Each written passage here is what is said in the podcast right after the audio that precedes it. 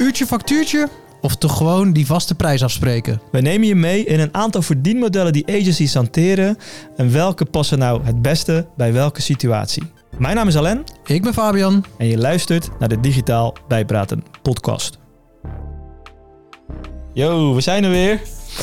En vandaag gaan we het hebben over de verschillende ja, verdienmodellen of pricingmodellen van agencies en hoe dat ja, de klantenrelatie zou kunnen beïnvloeden. Zeker, ja, gewoon wat zijn de voor- en de nadelen aan zowel die klantkant als aan die bureaukant? Ja, ja.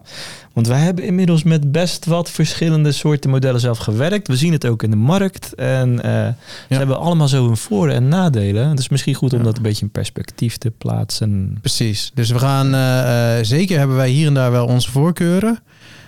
Eh, maar we gaan niet kunnen zeggen, dit is de allerbeste. Maar Ja. we kunnen je wel een beetje meenemen als je bepaalde modellen hanteert of wil, eh, wil veranderen. Of als jij juist eh, de, eh, je bureau beter wil laten presteren of meer value for money wil krijgen, hebben we wel wat tips en tricks. Tips en tricks inderdaad, ja. ja. Laten we ze eens even kort opnoemen. Welke wij zelf in ieder geval we- kennen en, en hebben gezien. En dan gaan we ze daarna even per stuk behandelen. Eh, ja, de meest voor de hand liggende in de agencywereld is op uurbasis. Hè? Eh, dus dat betekent gewoon dat je met een uurtarief werkt en, die, eh, en je uren doorbelast. Dat is, dat is denk ik wel de meest voorkomende. Ja, ik denk dat die wel het meest voorkomt in de kant waar van de, nou, ik noem het dan even de digitale kant. Ja, development en... ja, misschien ook nog wel een beetje in de reclamebureauwereld, maar Ja, de, de uurtje-factuurtje modellen, hè, Precies. die kennen we wel. Ja. Traditioneel. Eh, we hebben de pro- op projectbasis. eh, die komt ook eh, denk ik heel veel voor. Dus Ja. het project is een website of een video. Dit, is, dit zijn de randvoorwaarden voor het project. Dit is de scope. Ik ga dat vooraf berekenen. Misschien doe je dat ook al op uren. Eh, maar dat is dan voor de klant wat minder relevant. En dat is gewoon een prijs. En dit is de prijs voor het project. En daarvoor gaan we het doen. offerte, scope, prijs, door. Ja. Ehm, dan hebben we abonnement. Of een retainer, zoals sommige agencies dat noemen. Dus het terugkerende model. Eh, dat is een bepaald bedrag per maand voor bepaalde type werkzaamheden of soms voor een bepaald resultaat. Ehm, dus die is denk ik ook vrij helder wat het inhoudt. Ja. En dan eh, komen we op eh, iets minder tastbare, eh, een iets minder tastbaar model, de value-based pricing. Yes. Ja, volgens mij, in, ik denk meer in de designwereld een vrij hip, interessant fenomeen. Waar veel mensen ook wat moeite mee hebben. Eh, maar dat is dus, oké, wat, wat is dit het waard voor, het, voor de klant? Dus ik prijs, het, ik prijs eigenlijk meer de klant dan het werk wat ik aan het doen ben. Precies. Ehm, ook he- heel de waarde die je toevoegt, gewoon De- simpel. De waarde die ik toevoeg voor die type klant. En we hebben performance-based. En dat eh, kennen we misschien nog eh, van de no cure, no pay eh taferelen. Die volgens mij steeds minder vaak voorkomen. Ja, weet ik niet. Ik denk dat er echt nog, echt nog Ja. behoorlijk veel zijn hoor, stiekem. En, en eh, het is niet alleen nieuw QNP, het is denk ik ook gewoon van als je deze prestatie levert, dan staat daar deze beloning of extra beloning nog eens tegenover. Ja, ja. ja. Nou, we gaan er allemaal even op in. Eh, vanuit klantperspectief en vanuit agency perspectief. Ehm, ja, ik denk dat, eh, voor, dat we allebei wel hetzelfde erin staan, Vaap. Als we zeggen van er is geen goed of fout hierin, maar misschien eerder fit of misfit. Ja. Past het bij jou als agency? Past het bij jou als klant? Past het bij de type vraag dat je op dat moment hebt als organisatie? Ja, Ja, dus er is absoluut geen goed of fout, maar het zijn juist de overwegingen die daar eh, een, eh, een rol eh, in hebben. Beginnen we bij op uurbasis werken. ja. En wat betekent dat voor de agencies? Beginnen bij de agencies. Oh ja, op uurbasis werken is, is lekker simpel recht toe, recht aan. Het maakt het eh, heel voorspelbaar, want je weet gewoon...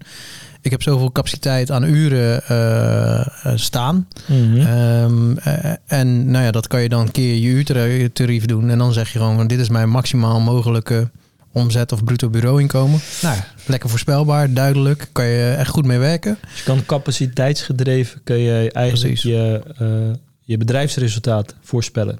Precies, zeker. En je weet ook van, eh, ehm, ja, je, je risico is wat minder. Eh, eh, want je weet gewoon, oké, als we er iets langer over doen, dan nou ja, krijgen we alsnog gewoon betaald voor de tijd die we erover hebben gedaan. Dus mijn marge blijft intact. Er zit Ja. natuurlijk wel een, een, een kanttekening aan dat er soms ook echt nog wel dan alsnog uren worden weggegeven. Maar zelfs dat zou je al, je weet over hoeveel ongeveer uren je weggeeft per Ja. periode. Ja. En, en dan kan je al meenemen in je, in je uurtarief. Want daar zit ook je marge in. Je uurtarief bestaat gewoon simpelweg uit je kosten eh, plus een stukje marge die daarop zit. ja. Eh, ik denk dat het grote nadeel eh, is dat je ook... Die marge is gewoon hetzelfde altijd. Ja. Dus ja, je kan niet meer gaan draaien. ja. Want ja, Om meer te draaien moet je capaciteit bij stoppen doorgaans. dan gaat je absolute marge gaat stijgen, ja. Maar je Of relatieve je niet. tarief omhoog. Ja, ja, dan... eh, dat, Dus eh, dat zijn een beetje de sleutels eh, waar je Precies. dan op kan, op kan gaan zitten. Maar je kunt op een project eh, moeilijk eh, meer rendement pakken dan hetgeen wat de uren zeggen eigenlijk. ja, Ja. En je, je, je, je draagt wel minder risico, maar niet, ja, het is niet volledig risicovrij natuurlijk. Want het is een beetje lastig als jij. je- Want je moet van tevoren wel een begroting aan je klant afgeven. Van, in de zin van, nou, we denken zoveel uur bezig zijn met X of Y. precies. Nou, als jij zegt, ik ben eh, 40 uur bezig met dit en kan je moeilijk aankomen. Oh, het was toch 80 uur, hier heb je de rekening. Dus zo risicovrij is het niet. Nee, Eh, maar je zou wel tussendoor kunnen zeggen... oké, we zeiden 40, maar we zien nu na 20 uur... dat het waarschijnlijk 60 wordt. En dan kan je later nog een keer zeggen... Ja. dan ben je wel op tijd erbij geweest. En dan is het eigenlijk ook in de afspraak gewoon dat technisch gezien de klant hiervoor gaat betalen. Ja. Eh, voor je relatie moet je dan misschien toch wel af en toe even, even slikken. En, en, en ook even goed nagaan waarom hebben we het dan zo verkeerd ingeschat. Ja, Ehm, aan de andere kant, dat is op één onderdeeltje. Stel je voor, je doet tien onderdelen en, en ja, alles gaat er net een beetje over en de andere weer net een beetje eronder. Dan levelt dat zichzelf uit. Dus ja, dan valt het ook wel weer mee. Maar dan blijf je weer op diezelfde marge eindigen natuurlijk. ja, En dan heb je het risico wel weer eh, gesplitst. Om ja. het zo maar te zeggen. Ja, het is wel een heerlijk inzichtelijk en voorspelbaar model voor de agencies. Eh, voor de klant is het ook super inzichtelijk. Eh, want ja, je hebt een uurtarief. Eh, traditioneel gezien zijn heel veel organisaties daar ook op ingesteld. Dus kunnen zeg maar in hun eh, besluitvorming bij het kiezen van een agency snel zeggen, nou, dit, zo'n uurtarief vinden we te hoog of dat soort zaken. Ja, en je kan ze ook vergelijken hè, op die Kunnen manier. ze wat makkelijker met elkaar vergelijken. Veel organisaties vragen ook naar het uurtarief. Wat is dan je uurtarief? Ja. Eh, je deelt het risico, eh, ondanks dat het juridisch gezien wel echt jouw risico als klant is. Zul je in praktijk merken dat bijna altijd het risico wel echt gedeeld wordt met de agencies. En als dat niet het geval is, ja, dan moet je misschien afscheid nemen van je agency. Ja. Als ze continu eh, eh, de verantwoordelijkheid niet nemen voor de verkeerde inschattingen die ze afgeven. Ja, en, en dat is ook je, de, nog een risico voor de agency. Hè? Als jij zes keer eh, helemaal erbuiten zit, ja, dan is de kans klein dat je daarna nog een opdracht gaat krijgen. Dus ja, dan is het leuk dat je op korte termijn dat uurtarief bewaakt hebt en Ja. daar hebt voor kunnen strijden. Maar op lange termijn ben je gewoon je relatie kwijt. Ja. Ehm, het helpt hierbij als je als opdrachtgever eh, eh, meer ervaring hebt eh, in het spectrum waarin je het project doet. Hè? Want dan kun je heel snel je, de, de impact van, je, van jouw keuzes als klant kun je dan ook inschatten. Ja. En kun je onderhandelen op de juiste dingen van de scope en zo. Precies. Ja. Want dat is natuurlijk een veelgemaakte fout. Eh, het onderhandelen, eh, ja, je doet gewoon eh, tijd keer uurtarief is bedrag. Oh, bedrag is te hoog. Waar kunnen we aan sluitelen? Oh ja, dat uurtarief is een uurtarief. Oh, weet je wat? We, ik wil dit in minder tijd. Ja. Ja. Oké, A, wat zegt dat? Dan zeg je, ik wantrouw jouw tijdsinschatting. Eh, B zegt dat ook van, eh, eh, ik, ben, ik neem genoegen met mindere kwaliteit. Want je gaat er minder tijd aan besteden, dus gaat de kwaliteit omlaag. Ja. Dat is niet wat je wil als opdrachtgever. Nee, Echt niet wat je wil als opdrachtgever. nee. Tenzij er een heel duidelijk alternatief is. Van oké, voor minder tijd gaan we het op deze manier aanpakken. En als je daar ook oké mee bent, ja, dan is dat oké. Dan, heb je die, dan heb je die tijdsfactor. En je kan beter onderhandelen op dat uurtarief. Ja, en daar zit vaak een commitment ding aan vast. Ja, wel, Ja. eh, je kan natuurlijk niet zomaar zeggen, ik wil een lager uurtarief. Maar je kan je kan het proberen, hè, maar Je kan misschien wel zeggen van hey, eh, ik heb de intentie om eh, dit voor een jaar lang met jullie te doen. precies. Maar dan wil ik wel een ander uurtarief. Exact. Of bij zoveel uur afgenomen in het jaar wil ik met terugwerkende kracht deze korting. Of eh, En dat is ook een gesprek wat eh, voor een agency, eh, ja, die voelt zich niet op hun tenen getrapt. Dat is een realistisch gesprek. Precies. Dus daar, daar zit meer de ruimte. Dus dat is misschien een kleine tip die we tussendoor doen aan, aan opdrachtgevers. Ja, ga kijk wat meer naar dat uurtarief en geef daar ook echt wat voor terug. Want anders heb je een onderhandeling van ja, ik wil het gewoon. En dat is de moeilijkste onderhandeling die je hebt. Dus Ja. Ja, en, en voor de agency nog eh, had ik hier voor mezelf opgeschreven. Ja, hoe, hoe, hoe, eh, hoe eerlijk, tussen aanhalingstekens eerlijk, is dit nou altijd? Want je ziet bij, bijvoorbeeld in sommige dingen, eh, als je iets voor de eerste keer doet, kost het heel veel tijd. Ja. Doe, je, doe je datzelfde, diezelfde type oplossing, neem een koppeling met een CRM of zo, weet ik veel. Iets technische oplossing technische over. oplossing bijvoorbeeld. Ja, die ga je niet nog een keer from scratch bouwen natuurlijk Nee. Ja. Moet die eerste klant dan alles betalen en die tweede klant dan heel weinig? Of, En die derde dus- nog minder en die derde nog minder en zo. Eh, ja, het, het is niet alleen maar eh, dan misschien oneerlijk richting zo'n eerste klant, maar het is denk ik ook voor jezelf als agency schiet je jezelf misschien ergens in je voet. voet ja. op de lange termijn. Want ja, je, je had er voor die vierde, vijfde, zesde, zevende klant ook veel meer aan kunnen verdienen dan eh, alleen bij die eerste, zeg maar. Precies. En misschien raak je daar ook mee gelijk de, eh, de, de spijker op de spreekwoordelijke kop. Ehm eh, hourly price is denk ik vooral gericht op maatwerk. Ja. Dus heel veel maatwerk. Constant iets nieuws. Constant net weer anders. Ja, of dus, dus bijvoorbeeld ook in onvoorspelbare situaties. Dus we gaan hiermee aan de slag. We hebben een, eh, een, wel een, een stip op de horizon. Maar hoe we daar precies gaan komen, ja, dat moeten we nog met elkaar uitvinden. Dus vooruitschrijdend inzicht Ja. is hier echt een ding met elkaar. Ja. Dan is hourly rate eigenlijk heel passend. Zeker, zeker. En, eh, en, en eh, daar denk ik nog wel bij van, eh, er wordt heel vaak gedacht dat eh, bij hourly rate het risico volledig bij eh, eh, de opdrachtgever ligt. Maar dat, dat is gewoon niet zo. Want ehm, de, de prijs die er uiteindelijk betaald wordt, kan hoger uitvallen. Maar het is ook niet zo dat dat altijd gebeurt. En als dat al heel vaak gebeurt, dan ga je daar vanzelf al niet meer shoppen bij diegene.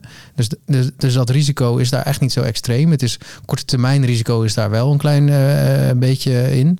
Eh, eh, en aan de andere kant, je, je hebt ook een voordeel. Want als er veel sneller geleverd wordt, ja, dan betaal je ook minder. Ja. En, en dat wordt vaak vergeten, want dat zie je niet. Eh, heel vaak. Oh, Er is misschien een inschatting geweest.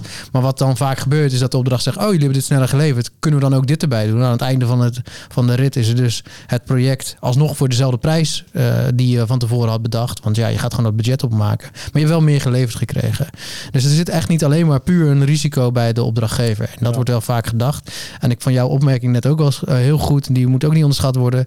Ben jij een opdrachtgever die heel ervaren is met agencies om te gaan, die heel goed die markt begrijpt, hoe ze werken, eh, ja, dan is dit denk ik de beste pricing model die je maar kan vinden Als klant. als klant. Ja, ja en ehm, nogmaals, dit is, ik, ik, ik denk, eh, zeg maar, naarmate je veel meer met een agency doet, dus voor een heel klein iets afge, afgebakend, is dit niet per se super interessant. Maar als je een heel jaar lang of meerdere jaren achter elkaar met elkaar aan de slag gaat, is dit gewoon een prima model.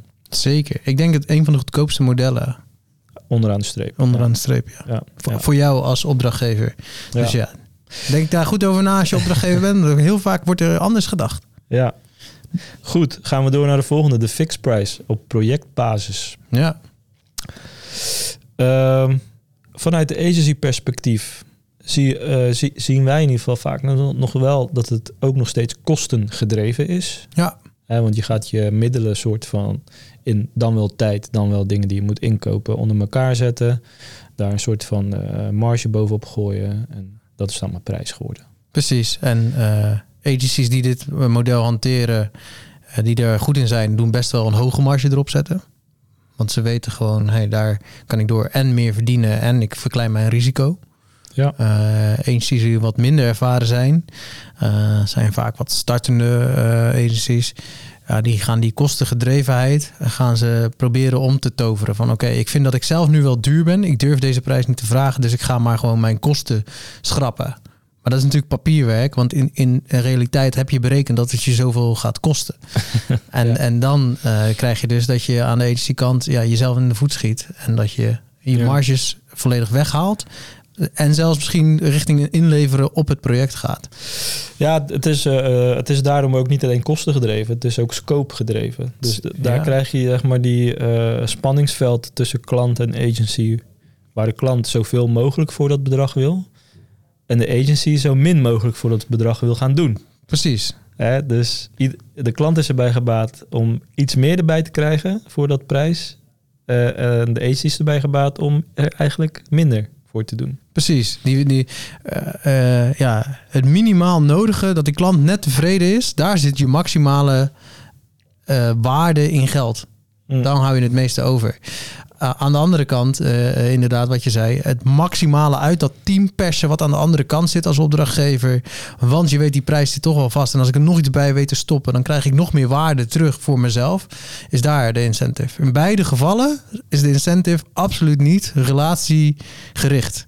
Dus als je nee. dit model toepast, hè, moet je heel goed zeker weten dat aan de andere kant uh, iemand zit die, die niet aan die touwtrekwedstrijd heel hard wil beginnen. En zelf ook niet denken, ik wil die touwtrekwedstrijd heel hard winnen. Want dan gaat dat echt je relatie slopen. En dit is denk ik ook eentje.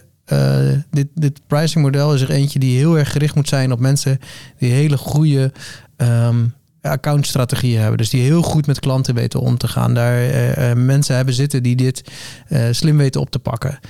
En um, als je dat niet hebt, dan denk ik dat je als agency vaak bedrogen uitkomt, omdat de, degene waar je veel winst maakt, de, uh, daar is de klant weer heel ontevreden. En degene uh, uh, waar je bijna geld inlevert en de klant tevreden is, hou je zelf niks aan over, dus loop je weer leeg. Dus ja. er is bijna nooit een winnaar in dit geval, heb ik het gevoel. Ja, nou, dat hangt misschien ook van het type project af hoor. Want als jij uh, wat kleinere, afgebakendere projecten doet, dan, uh, dan kan dit uh, denk ik heel goed werken. Heel, heel, veel repeterende stukken, zeg maar. Ja, dus, dus heel je duidelijk. Je gaat het hele jaar door video's maken en je weet precies wat voor type video dat is. En er zit een workflow achter. Ja. En de verwachting van de klant staat in lijn met de verwachting van de agency.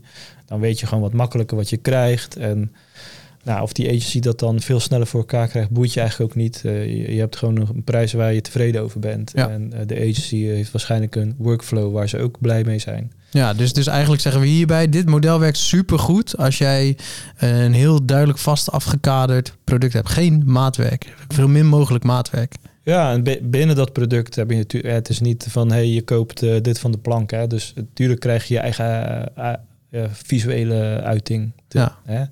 Maar uh, inderdaad geen maatwerk in de zin van we gaan, uh, we gaan nu from scratch bedenken hoe een. Dat is gewoon een vaste workflow vaak. Ja. vaak in de aanpak. Een vaste workflow waar eigenlijk in ieder laagje van de workflow vaak al een fundament ligt van oké, okay, dit is het template waarop we gaan doorwerken. Ja, want dat bespaart ons gewoon een dag werk. Precies, en, en dan weet je dus ook, je risico's zijn, gaan aan een laag, je marges kunnen hoog zijn. Het is, ja. Maar het is vaak wel heel veel uh, hetzelfde werk. Wat niet erg is ook, hè, dat is geen nee. oordeel, maar het is wel heel belangrijk om je pricingmodel aan te passen op basis van hè, de dienst of producten die je levert. Ja, uh, ja en je kunt als agency die, uh, die, die heel erg op uurbasis werkt, kun je dus best een, een dienst of product ontwikkelen, wat je dan daarnaast nog dus heel erg fixed price Zeker. gebaseerd erbij doet. Omdat je dat gewoon heel duidelijk hebt afgebakend met een duidelijke scope en verwachting. Precies. Uh, en, want wat het mooie daarvan is, is dat je waarschijnlijk veel hogere marges als agency zult gaan draaien. Zonder dat de klant denkt, ik ben veel te veel geld kwijt. Want je weet van tevoren wat je koopt als klant. Precies, helemaal, ja, helemaal mee eens. Dus als klant is dat gewoon het grote voordeel. Ja. Je, bent, je weet veel duidelijker wat er, wat er is. Um, maar het grote nadeel is, dus zodra het richting een beetje maatwerk komt, dan kom je in een touwtrekwedstrijd. Daar moet je voor uitkijken. En uh, dat zie je dus ook best vaak dat je dan als klant de illusie hebt van uh, fix, fixprijs is voor mij voorspelbaar en veilig. Ja. Maar dat je dan eigenlijk in een traject belandt met allemaal uh, voor jouw gevoel als klant addertjes onder het gras. Hey, ja, maar ik had verwacht dat dit er toch gewoon bij zou zijn. Nee, nee, nee, nee het kost echt uh, zoveel extra. Nee, lees maar in de offerte, dit ja, stond er niet goed, bij. Uh, je hebt, ja, weet ik veel, jongens, ik koop toch gewoon een website. Ja, wat is dan een website, weet je? Wat ja, is een auto? Ja. ja, precies. En tussendoor ook, hè, je komt tot nieuwe inzichten, je wilt veranderen. Ja, dan, dan komt je agency logischerwijs van, oké, okay, je wilt veranderen, dan gaan we een nieuwe offerte maken. Mm. Kom je dus weer in een offerte-traject, vertraging, geen leuke gesprekken. Eh, eh, ja, dus, dus eh, ik, ja, heel- ik, ik ben niet zo heel fan van dit model als er veel maatwerk in de, in de buurt komt. Ik ben wel fan van het model als er...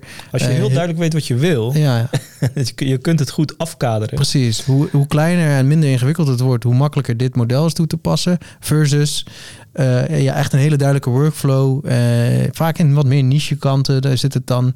Ja, dan kan je dit ook gewoon goed, eh, goed toepassen. Ja. Maar net zei je wel een hele leuke. eh, ehm, eh, je moet niet een prijsmodel op je agency plakken, maar op je dienst. En daar ben ik het wel helemaal mee eens. Al zou ik als agency wel waarschuwen... zorg nou niet dat je vijf diensten hebt... die allemaal vijf verschillende prijsingmodellen hebben... want dan word je helemaal gek. En is die klantbeleving ook heel raar. ja. Eh, dus, eh, maar je kan echt wel een, een beetje variëren. ja, zeker. Door naar de volgende. Door naar de volgende, de abonnementen, de retainers, zoals Juist. we dat in de agency willen Ja. noemen. hè. Ik vind, ik vind dat die naam helemaal niet zo leuk eigenlijk. Ik vind het een beetje, een beetje overdreven. Ja, Ja, ja, het goed. is gewoon, we zijn allemaal gewend aan abonnementen, toch? Ja, ik heb ook mijn telefoonabonnementen. Mijn, ja. Maar oké, mijn persoonlijke mening. ja, deze is eh, eh, toch nog, eh, heeft ook weer wat variaties binnen dat stukje. Want je hebt een, ja, wat voor abonnement is het, zeg maar? Je, je kan nog steeds een uren gedreven abonnement hebben. Dat je bijvoorbeeld zegt, nou, eh, je krijgt 20 uur per maand. Eh, ja, dan, dan zit er eigenlijk, is het toch een uurtje factuurtje model bijna.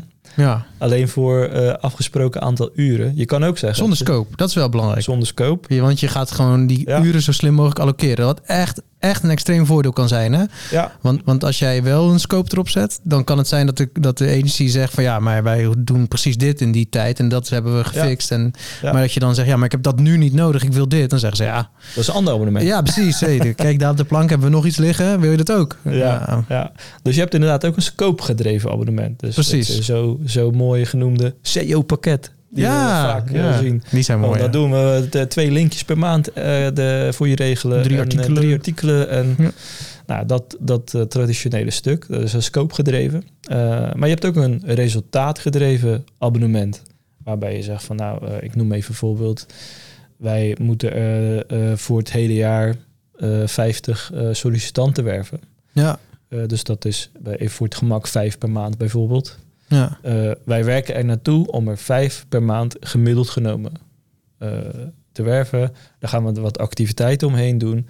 Wat die activiteiten zijn, daar, moet, daar willen we als agency flexibel in zijn. Eh, maar het gaat je zoveel kosten per maand. ja, precies.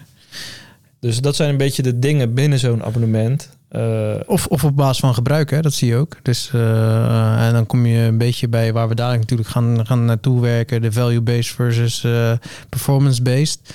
Eh, ja, als jij meer gebruikt, eh, bijvoorbeeld je hebt meer websitebezoekers. Nou, dat kan een, eh, Ja. een, een model zijn. Het kan zijn, nou ja, over die sollicitanten. je krijgt er minimaal vijf, maar als er zeven zijn, gaat je, betaal je dit, zeg maar. Dan gaat je abonnement omhoog. Maar het is wel iedere maand terugkerend en, en, en ja, ja. duidelijk voor iedereen. Ja, en voor de agency is dit super voorspelbaar en geeft zekerheid voor de lange termijn. Ja, Dus dat, is, eh, dat, dat zijn hele fijne modellen eh, eh, voor het financiële stuk. Eh, het is wel belangrijk dat je dan ook echt een langere periode dit gaat doen als agency. Want als je dit doet voor drie tot eh, vijf, zes maanden voor een klant, dan heb je zoveel overhead aan het begin dat het vaak niet loont. Dan kun je er een beter een project van maken. Precies. Want eigenlijk zeg je gewoon, we gaan een half jaar of een jaar samenwerken. Dat kost mij, dat, dat is, deze prijs heb ik daarvoor. En die deel ik gewoon door zes of twaalf maanden. Dat is een abonnement natuurlijk. En, Ja. en het werk kan aan het begin veel meer zijn dan aan het einde. Ja, dus hoe langer je dit doet, eh, hoe rendabeler het zeg maar voor die op, vanuit die opdrachtgever. eh, nou, dit, dit kan twee kanten op werken, denk ik. ja. Want dat hangt een beetje vanaf. eh, ja, kies je dan dus voor dat uurstukje, kies je voor dat scope stukje, kies je voor performance of kies je juist weer voor value. Ja, al die dingen bij elkaar zijn dan in de. Die kunnen allemaal in de abonnementstructuur gegoten worden. ja. En dus eh, Ja, wat dat betreft kan je alle kanten op weer met de. ik ben trouwens zelf heel erg fan van dit, omdat de twee kanten echt heel lekker werkt. Ik ben hier ook fan van. Eh, ook voor de klant is het namelijk super voorspelbaar en goed te begroten. Exact. Dus eh, het- je krijgt hier het minste gezeik over... oh, oh ik, heb, ik moet iets meer geld hebben voor dit stukje. Want eh, vaak kun je dat veel, veel beter afkaderen... en intern ook wat beter verantwoorden. Je moet wel goed letten op de afspraken. Ja, maar wat ook fijn is voor jou als klant, is net als voor de agency, is dat er rekening met je gehouden wordt voor de langere periode. Vaak zie je bij een projectgedreven uh, aanpak, oké, we hebben tussen die en die periode loopt dat project. Daarna allokeren wij onze resources, onze mensen, onze tijd en energie in nieuwe andere klanten. Heb jij een vraag? Moeten we plannen? Weet ik niet of ik daar tijd voor heb voor jou. Ik, ik heb daar ook geen rekening mee gehouden. Ik wist niet namelijk dat je een vraag zou hebben. Ja. Daar hebben we het niet over gehad. Even heel zwart-wit hoor.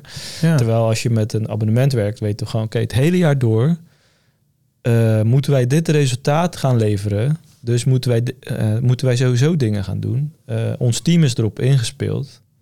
er wordt rekening met je gehouden. Precies, dus daar zit heel veel voordeel aan. En, en ik denk ook de aandacht naast het direct kunnen reageren, ook de aandacht proactief wordt ook omhoog vanuit een agency naar. Uh, want ze weten gewoon, nou, deze partij is een betalende klant waar we later weer meer dingen voor gaan doen. Ik ga ze meenemen in mijn periodieke uh, uh, aandachtspannen. Ja. Uh, ja, bij die andere kant, ondanks dat ik denk dat het uh, echt wel, uh, zeker als je wat meer op de accountkant zit, heel veel kan opleveren als je gewoon toch maar proactief die aandacht geeft. Maar je weet niet zeker wat je ervoor terugkrijgt. En dat is een beetje het hele lastige. Wie geef je dan wel aandacht, wie, wie niet? En hoe bereken je dat? Heel veel nou ja, mensen aan de opdrachtgeverskant vaak horen klagen van ja, het is altijd een beetje reactief. Het is niet proactief. Het is ja, en als ik dan iets wil, dan komt er toch weer een, een, een, een offerte. Of komt er toch wel weer van ja, we gaan dit wel op uurbasis afrekenen. Ja, dat hele abonnementsmodel haalt dat stuk eruit en geeft ook de incentive aan een agency om, om proactief wat te doen. En ook om eerder een keertje over te performen. Want ze weten het is niet erg om nu over te performen. Uh, want deze blijven nog lekker lang aan ons plakken. En dan uh, ja, gaat dat zichzelf wel weer rechtbreien. Ja, uh, ik zie ook de, een van de grootste frustratiepunten bij klanten. de, waarom ze overstappen van de agency. Volgens mij is de meest gebruikte reden, in ieder geval die ik hoorde altijd. ze denken niet goed met ons mee. Precies. Maar waarschijnlijk heb je er ook niet voor betaald. Nee. nee, precies. En dat is dus. Uh, en, maar dat is ook logisch, want uh, ja, geen één uh, marketingmanager of wat de opdrachtgever ook is, zal denken: Weet je wat, ik ga eens even een budgetje voor meedenken. Voor nader te bepalen onderdelen die ik nu nog niet weet voor in de loop van het jaar. En krijgt dat budget goedgekeurd bij zijn directie. Van, ja. Dan zeggen ze: Ja, wat is dit? Ja. ja. Nou, als jij dus een abonnementsvorm hebt, dan heb je dat eigenlijk al een beetje gekocht. Uh, ja. Want die, dit zit gewoon in dat hele uh, gebeuren mee. Ja. Uh, soms krijg je het ook wel als je het niet gekocht hebt. Maar dan, weet, dan zit er waarschijnlijk, ziet die agency ook van oké, okay, jij gaat wel andere dingen neerleggen waar dat al in die prijs is meegenomen. Ja. Dus ergens is dat, de, ja, gratis aandacht is gewoon een, een, een, kleine kans. Ja, ja helaas wel. Ja. Um, Value-based. Value-based. Een, een van de hippere ja. modellen die heel weinig toegepast worden ook. Ja, wat uh, sommige mensen echt als de, de holy grail zien. Maar er zitten ook toch nog wel nadelen aan, denk ik. Ja, het is vooral ogen en haken. En het is heel erg, ja, heel erg business gedreven. Dus een soort van business case moet je dan eigenlijk hebben. Ja. Uh, Value-based, wat dat uh, even in hoofdlijnen inhoudt, is dus dat je dus kijkt wat is het waard voor jou als klant om dit probleem te tackelen. Precies. Welke waarde ga ik toevoegen die, die dat jou extra oplevert? Vaak omgedrukt, uh, uitgedrukt in, in, in uiteindelijk toch geld. Want daar, daar komt het op neer. Onderaan de streep wel, ja. Precies. Ja. Kunnen we een uh, flauw voorbeeld nemen? Een huisstijl of zo? Wat is een huisstijl waard voor uh, Coca-Cola? En wat is een huisstijl waard voor de bakker die nog moet openen? Exact. De bakker die nog moet openen, ja, die, die heeft nul risico. Die heeft geen risico voor uh, wat betreft de huisstijl. Nee. Geen, ja, dus of die nou logo geel, groen of groot. Maar het het gaat hem ook niet zoveel opleveren. Als hij de allerbeste huisstijl ter wereld heeft, kan. Gaat hij niet meer verkopen? Nou, ja, misschien een heel klein beetje maar, maar dat is relatief zo weinig. Ja. ja, dat is het gewoon niet waard om daar ja. zoveel geld in te steken als, nou ja, je noemde het voorbeeld van uh, dat hele kleine bedrijfje Coca-Cola. En, en, hoeveel verpakkingen en exact. Wat voor impact heeft de aanpassing van uh, één minuscuul dingetje in het logo? Ja, waarschijnlijk tientallen miljoenen. Ja. En dan heb je het over het logo, hè? want een, een, een branding huisstijl is wel meer dan dat natuurlijk. Ja. En, en, en daar zit denk ik ook de value base. Dus eigenlijk dezelfde type werkzaamheden kunnen opeens een hele andere waarde hebben. Precies. En, eh, veel- dat wordt ook veel gezien als vies of zo. Weet je wel, van ja, je gaat toch niet eh, per klant andere prijzen, dat is niet transparant. Terwijl ja, ergens zou je ook kunnen zeggen, het is misschien juist heel eerlijk, want eh, voor die klant is dat nou eenmaal veel belangrijker. Ja, Eh, en voor die klant boeit het eigenlijk helemaal niet. En is een andere Precies. oplossing ook helemaal goed. Eh, eh, dus je bent heel erg waardegedreven. En de resultaat gaat eigenlijk boven de scope. Ja. Waar je, waar je dus eigenlijk de klant helemaal... Met de klant hoef je dan niet te zitten. Wat moet er dan in die website precies zitten? En hoe moet dat precies werken? Eh, tuurlijk, hè, dat, uiteindelijk moet je dat ergens in kaart brengen. I- iemand moet dat gaan regelen. Ja. Als je een website gaat maken bijvoorbeeld. Eh, maar het gaat er eigenlijk veel meer om... wat gaat die website eigenlijk opleveren? Precies. Dus eh, een ander voorbeeld zou kunnen zijn... het is een e-commerce website. Het gaat om online verkopen. We gaan de conversie verhogen. Ja. Maar eh, de klant A heeft duizend bezoekers per maand. Klant B heeft een miljoen bezoekers per maand. Ja. Nou, een, een conversieverhoging van 0,1%. Voor wie is dat meer waard? Nou, Eh, B? ik denk B. maar zo- dat is denk ik value-based pricing. Ja, En Zeker. dan moet je heel erg je klanten kiezen eigenlijk. Ja, nou ja, welke waarde voeg je daar toe? En, en, en ik denk ook, kijk, we moeten ook realistisch zijn. In de agencywereld is er niemand die zowel de traditionele, altijd voorgestelde bakker op de hoek en Coca-Cola bedient. Nee. Maar het kan dus wel zijn dat jij binnen jouw eh, groep van klantsegmenten voor de ene bijna dubbele vraagt voor precies hetzelfde werk als voor de andere, omdat je gewoon weet wat die waarde gaat toevoegen. betekent dat je, je, rendement op het ene eh, veel hoger kan zijn, maar ook je risico. Want let op, als jij die waarde niet toevoegt, gaat zo'n bedrijf ook wel naar jou terugkomen van hey, eh, jij ging toch deze waarde toevoegen? En daarop hadden we toch deze prijs gebaseerd. Waarom lever jij dit niet? Ja, dan gaat de druk daar ook wel omhoog. En dan zal je echt wel je best moeten gaan doen om alsnog die waarde te gaan leveren. Dus je risico is ook hoger dat je alsnog meer, je noemde het net heel mooi, resources uh, er naartoe moet brengen om het alsnog op te lossen. Ja. Het is geen verplichting, maar het is wel iets wat je graag wil doen voor je reputatie. Uh, dus ik denk dat daar, dus er zitten wel weer twee kanten aan dat hele, hele verhaal. Uh, en ook die klant, uh, ja, stel je voor, jij levert iets op met een eindcijfer 9 voor jezelf in je hoofd, maar voor die klant is het al is het, is het een 10. en je levert bij die andere met een eindcijfer 7 voor jezelf in je hoofd, maar voor die klant is het ook een 10. Want het is het beste wat ze ooit hebben gehad. Ja, dan is de waarde nog steeds het maximale, zeg maar. Dus ja, die waarde zit heel erg veel meer aan die klantbeleving kant. En daar zit denk ik ook een hele grote voordeel voor als klant. Als jij value-based pricing doet, dat je heel duidelijk zie je van ik wil deze waarde behalen en ik ben er bereid dit voor te betalen, want dat is die waarde waard. Ja, dat je dat dan ja. ook gaat krijgen, zeg maar. Ja, dit vraagt wel een hele andere benadering in je aanpak als agency. Ja. Uh, je gaat echt andere dingen moeten doen. Je moet niet een standaard proces hebben wat je zegt, nou dan gaan we dit weer hier toepassen. Uh, je zal dat ergens een beetje, je moet ook op basis van die waarde kunnen zien, ik moet wat extra hier leveren en wat extra daar leveren. Ja. Aan de andere kant, ja, kan het ook, ik, ik, ik zie het ook nog wel gebeuren dat je wel een beetje hetzelfde hanteert, maar dat je bij de ene gewoon meer marge maakt dan bij de andere. Kan ja. hè? Ja, ik, ik, uh, we hebben niet echt uh, value-based pricing uh, echt toegepast. Maar ik heb wel een aantal projecten gehad waar het veel meer om resultaat ging. En ik merkte dan wel bij mezelf dat, uh, dat ik in mijn aanpak uh, ja, ook echt heel erg doelgericht bezig was om allerlei andere zaken op te pakken. Om maar in richting dat resultaat te gaan. Wat ik anders gesproken veel meer op de scope zou, uh, mijn aandacht zou vestigen, zeg maar. Ja, ik denk wel dat we stiekem steeds meer value-based pricing aan het toepassen zijn hier. Dus dat het echt wel veel meer gaat, oké, okay, we willen deze business case behalen. We denken ongeveer deze route daarvoor te gaan bewandelen, maar deze is flexibel onderweg.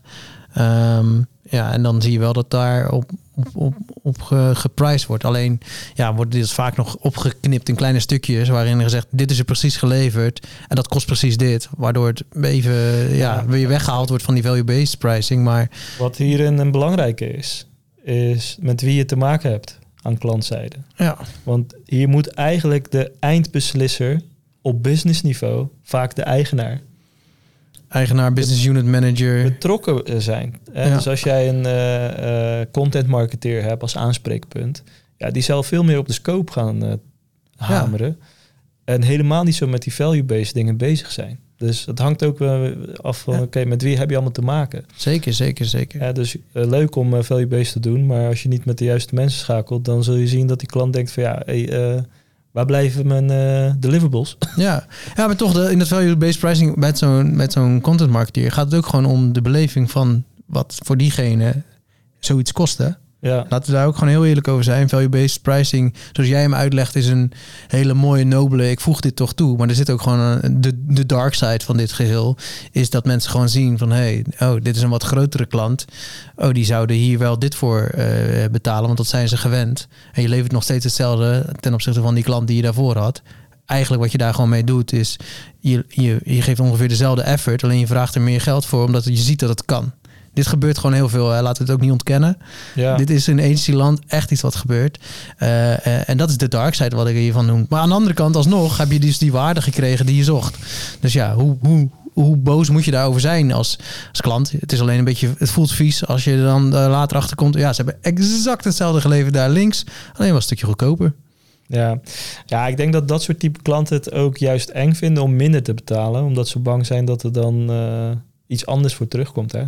Ja, Dus als jij dan opeens met een lagere prijs komt met dat soort type organisaties, dat ze juist de vraagtekens erbij gaan stellen van ja, hebben je onze scope wel goed begrepen? precies. Want ja, vorig jaar hebben we dit uitgegeven. Precies.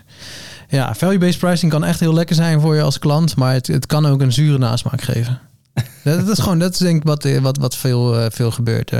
Maar het voorbeeld wat jij gaf is denk ik wel, ja, eh, nee, bijvoorbeeld in de recruitment, hadden we het net even in het voorbespreken over. Ja, wij willen 100 mensen komend jaar werven. Normaal doen wij dat via een recruitmentbureau. Daarin vragen ze 2000 euro per, per persoon erbij. Dus dat gaat ons, wat zei ik net? Twee ton. 2 ton, 100 mensen is 2 ton, ja. Dat was een heel makkelijk rekensommetje. Eh, eh, ja, ehm, eh, wij gaan het oplossen via een, een marketing, technische, employer branding kant. Eh, eh, ehm, We kunnen het oplossen voor 150.000 euro. Precies, dus het 50.000 euro minder kost je dat. Ja, als dat betekent dat je toevallig eh, eh, 100 mensen had opgesloten in een loods ergens en zegt, you're free now, maar je moet wel daar werken. en ze komen allemaal werken, ja, dan, dan heb je het heel goedkoop opgelost. Maar Ja. die, die, die waarde is nog steeds voor die klant. Ja, hey, veel goedkoper, beter. Dit is wat ik wilde. Ja. Nou, de, de echte reden is vaak dat je gewoon inderdaad mooie campagnes gaat bedenken. eh, je employer brand, je, je, je, je, je hele brand gewoon wat, wat oppoetst. eh, eh, content gaat maken. Die uiteindelijk gaan zorgen voor meer sollicitanten. En betere sollicitanten. Dat is Ja. waar je naartoe werkt natuurlijk. Ja, als dat lukt, Indy, dan ben je eigenlijk heel blij. En als dat betekent dat dat op bijvoorbeeld kosten gedreven normaal een omzet had geweest van 110.000, ja, dan ben je bereid die 40.000 euro extra te betalen. Want dat boeit je niet, want je hebt echt die oplossing gekregen die je wilde. Ja. Ja, dus, dus dat is wel echt de voordeel. Dus dat is de light side of de, de, de mooie kant van deze value-based pricing. Dus ik ben niet per se tegen, maar ik weet dat er ook gewoon op een andere manier naar gekeken wordt. ja, Oké, de laatste. Performance-based. ja. De oude wet eh, no cure, no pay eh, zit hier een beetje in verweven. ja hè? Dus, daar eh, zie je hem vaak in terugkomen. Ja. Ja, we doen, eh, we doen eh, dit. We gaan dit resultaat behalen. En als, eh, eh, als dat lukt, krijgen we deze beloning. Of juist als je het betaalt niet totdat het lukt. Ja, of een soort staffel erin. Als we dit lukt, dan krijgen we deze beloning. Als dit lukt, krijgen we die beloning. Of Ja. eh, een percentage over bepaalde dingen. En als we boven deze bedragen komen, Ja. wordt het dit percentage. Recruiters werken eigenlijk heel erg performance-based. Hè? Eh, Ja, zeker. Je hebt een kandidaat, kost je 8000 euro. Ja, precies. En je betaalt pas als diegene er eenmaal is. Ja. ja. Ja. Ehm, persoonlijk ben ik in... eh, ik kan me geen situatie bedenken... waarin ik persoonlijk eh, fan ben van deze... Ja, ze, zijn, ze zijn er wel. Hè. Ze zijn er gewoon als... en vaak heb je dan een, al een onevenwichtige relatie. Eh, eh, dus eh, ik ben een heel groot bedrijf dat in één keer zegt... nou, wij gaan ook e-commerce toepassen en in deze markt. Ehm, maar wij willen laag risico. Dus we gaan een, een bureau inhuren... dat op basis van performance-based zegt van... oké, ik wil wel met jullie meegroeien... en je betaalt eh, eh, 10% van de omzet... eh, krijgen jullie als, eh, nou ja, als bureau... kan dat zijn hè, dat als zij in één keer doorgroeien... naar een omzet van 10 miljoen binnen drie jaar... ja, dan heb je dus in één keer een miljoen verdiend, zeg maar. Ja, dat is, dat is serieus. En dat, daar is ook ieder- iedereen bereid voor dat te doen. En daar kan je, kan je ook best wel wat resources aan allokeren. Het grote risico is alleen, ja, je zal als bureau minimaal 4, 5, 6, 7 man daarop moeten zetten. Die je vooruit moet gaan betalen. Dus daar zit een heel groot risico. Maar er zit ook een heel grote beloning tegenover die je kan, kan binnenhalen. Want dat is maar één opdrachtgever waar je dan een miljoen aan verdient. Ja. Ja, dus ik, ik denk wel dat die er is. Ik denk alleen dat de risk-reward extreem allemaal uit elkaar liggen. Dus heel high risk, high reward eh, is dit wel. En eh, vaak bij high risk, high reward zijn er winnaars en verliezers. Want als... eh, ehm, ja, als e-commerce partij of als, als partij opdrachtgever denk je op een gegeven moment ook, ja, ik heb nu een miljoen betaald voor iets wat eigenlijk misschien ik ook in 200.000 had kunnen hebben. En dan kom je weer een beetje op die value-based pricing misschien, maar want ergens was het je blijkbaar toch waard. Maar je voelt toch weer, ja, het voelt niet lekker, laat ik zo Ja. zeggen. ja, het is heel transactiegedreven. hè. Ja, Eh, en eh, dat is het een beetje van ja, ik ben er eh, als leverancier bij gebaat om jou dit resultaat te leveren. precies. En zeg maar, no matter the cost, ga ik dat gewoon doen. Een Ja. beetje over me over lijken mentaliteit. Ja, precies. En, Ja, en, en, en je de- kijkt verder niet naar andere randzaken. exact. En dat- dat boeit je dan verder veel minder. Je bent daar ook niet voor gestimuleerd eigenlijk. Precies, want ja, je, eh, ik nu even nu het voor, voorbeeld van, eh, van overomzet. Nou, stel je voor dat de, eh, de opdrachtgever heel slim zijn pricing van al zijn producten heel erg omlaag gooit. Om even heel veel markt te pakken. Of juist heel, heel erg omhoog gooit. Nou, misschien is dat een betere voorbeeld. Heel erg omhoog gooit. Om te zeggen, dan hebben we hele hoge marges. Dus als we verkopen, is het dik binnen. Maar de kans dat je verkoopt is heel klein. Dus in plaats van die, die 10 miljoen die ze gaan omzetten, is het maar een, een ton. Maar op die ton hebben ze wel 9% marge. Dus eh 90.000 euro. Ja, het is heel snel, wordt Ja. het heel troebel. Want Precies. eh, eh, trek hem even door. Inderdaad, stel ik ben dat e-commerce bedrijf. En jij gaat voor mij zo werken. Ik begin met mijn prijs omlaag gooien. En nu op, ik bereik een punt dat ik denk van... Ja, ik denk wel dat ik het zonder Fabian kan. Weet je wat ik nu ga doen? Ik ga mijn prijzen gewoon met 25% opgo- ophogen. Wordt mijn conversie veel lager. Maar Precies. dan eh, ben ik wat minder afhankelijk van al die dingen van Vaap. Want ik ben een beetje klaar met eh, die bonussen te betalen. Dat wordt me nu heel duur. Exact. Jij gaat klagen van hey, je prijzen zijn te duur, we halen de resultaten. Dan zeg ik ja, dat is niet mijn probleem. Ja, Eh, precies. nou, dan begint al een scheurtje te komen. Eh, en jij hebt geen invloed op wat ik daarin doe. Exact. Eh, dus, eh, en vervolgens ga ik dus eigenlijk met alle klanten die je mij gebracht hebt, ga ik daarna weer profiteren. Precies. Met de tweede, derde, vierde, vijfde aankoop. Exact. Want dan, als, je, als onze samenwerking voorbij is, verlaag ik mijn prijzen weer. Precies. En eh, heb ik al die klanten. Even, hè? Dus Zeker. Er, zit, er zitten best wat eh, zaken in waarvan ik zeg van ja, ik. eh, Er is veel verleiding om aan beide kanten eh er te van gaan profiteren. ja, En, en dus de, de, de, de, het als gelijken ervan profiteren, er gebeurt maar heel weinig. Dus heb ik maar heel weinig gezien. Maar er zijn wel voorbeelden dat het kan. Maar eh, ja, ik ben er niet zo'n eh, zo'n fan van. nee. Of eh, het zijn op eh, incentives waar we niks aan hebben. Hè? De no cure no pay in, in de SEO-wereld. Ja, als je in de top 10 staat, dan betaal je pas. Ja, maar wat heb ik dat ik in de top 10 sta op dat, die term die jij mij aangeraden hebt, maar waar ik eh, achteraf bij kom dat dat eigenlijk net niet precies mijn klanten zijn. Ja, heb ik dus op de verkeerde dingen een soort no cure no pay afgesproken.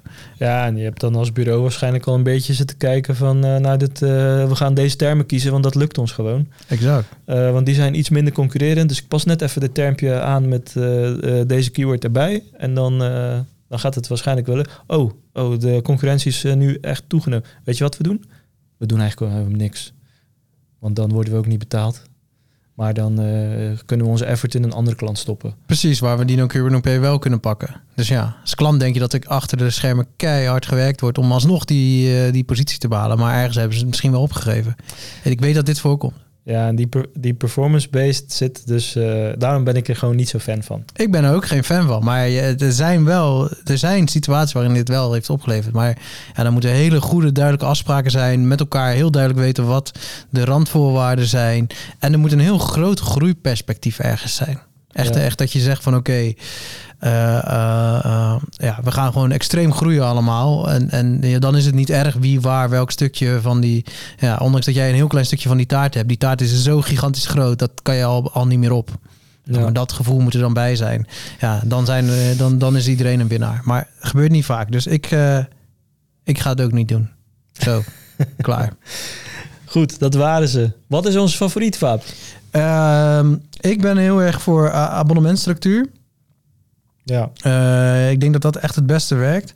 En dan het liefst uh, um, lichtelijk value-based. Dus een, een, een, vorm van value-based zou veel meer zijn van oké, deze prestatie willen we leveren en daar moeten we naartoe werken. Want dat geeft als klant zeggen, oké, we gaan dus echt duidelijk voor deze prestatie en daar hoort ongeveer dit bedrag bij.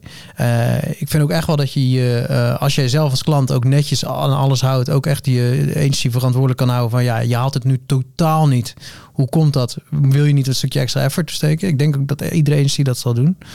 Uh, die, de goede in ieder geval. Um, en als agency krijg je weer de ruimte om te kiezen de route die je zelf wil. En als je een scope afspreekt, dan is dat de route die je gaat doen. En, en dat is denk ik... Uh, um, ja, dat, dat, dat, dat zorgt dat je vastzit. En uh, dat wil je ook niet. Dus daarom abonnementsvorm met value-based pricing, maar wel fair naar elkaar zijn. Dus niet Probeer niet allemaal volle bakje winst te optimaliseren of het, het onderste kan. Ga gewoon samen voor hetzelfde doel strij, uh, strijden. En zorg gewoon dat je weet van elkaar, elkaar oké, dat gaat ons dit is de effort die we van elkaar verwachten. En dit is het bedrag dat daarbij hoort. En dit is het resultaat waar we op, uh, met z'n allen op gaan sturen. Iedereen gaat daar zijn, de juiste dingen voor doen. Oké, okay, ja. heel lang antwoord op een korte vraag. Nou ja. Heb je zelf ook nog een voorkeur? Ik denk dat mijn voorkeur uh, ook op abonnement ligt.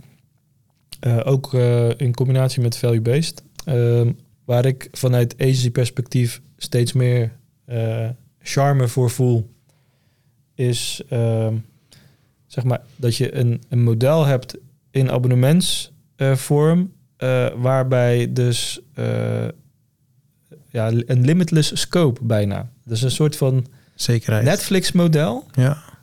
Ja, hey, we gaan gewoon alles doen wat je vraagt. En dat klinkt uh, onmogelijk als je als agency dat je denkt van ja, ik, ik, ik kan toch niet alles. Maar tegelijkertijd, ja, de klant heeft ook maar beperkte tijd om dingen te vragen en om, input te blijven leveren. Dus uh, het is niet zo romantiserend dat je 24 uur per dag moet gaan werken voor, voor die klant. Of dat die klant denkt dat hij maar onbeperkte dingen gaat krijgen. Maar dan ben je dat hele discussie bij gaat er gewoon uit van Zeker. het kost meer en dit niet. En ik moet even kijken of ik dan nog iets extra ga factureren. Al die uh, onzin eruit. En dan kun je gewoon blijven focussen op resultaat behalen en, en goede inhoud. Zeker, zeker. Helemaal mee eens. En, en, en uh, ik als als klantzijde, hè, als ik dat nu even aan de klantzijde ga zitten, vind het ook wel lekker dat ik een soort zekerheid heb dat ik dat wel kan vragen. Ik kan wel, als ik het nodig heb, ga ik ook echt over het geheel heen. Even, ik heb een unlimited telefoonabonnement. Ja, ik gebruik één of twee keer per maand dat ik denk, oké, ik ga nu over een hoeveelheid gigabytes heen, uh, uh, die ik in andere abonnementen um, zou afkopen voor een lagere prijs, zeg maar. dus technisch gezien heb ik dat maar één of twee maanden nodig. En betaal ik daar iedere maand voor, want ik weet niet wanneer die maand uh, komt. En ik ben daar bereid extra voor te betalen om maar die zekerheid in mijn achterhoofd te hebben. Terwijl ik weet dat ik te veel betaal, want ik kan beter dat andere abonnement nemen. Dan ben ik goedkoper uit. Maar dan heb ik die ene dag dat ik, die, dat ik echt eenmaal los wil gaan. Ja, dan ga ik in één keer veel meer betalen. Of kan ik het niet? Of nou, dat soort dingen. Uh, daar heb ik geen zin in. Dus koop ik, ik het af. Ik wil daar niet over nadenken, joh. Precies. ik, ik koop het af. Ik weet dat bedrag. Het is duidelijk. Ja. Dus daar zit echt iets heel lekkers in. Maar uh, ja moet je wel op de goede manier met elkaar ook weer omgaan. Ja, dat blijft altijd. Ja. Wat een dooddoener, maar ja, wel waar. Goed. Uh, alle modellen een beetje besproken. Hopelijk geeft het uh, wat meer perspectief aan uh, agency owners, professionals ofwel de klant. Laten we hem lekker hierbij houden. En ik zou zeggen, tot de volgende. Yes. Hoi hoi. Hoi.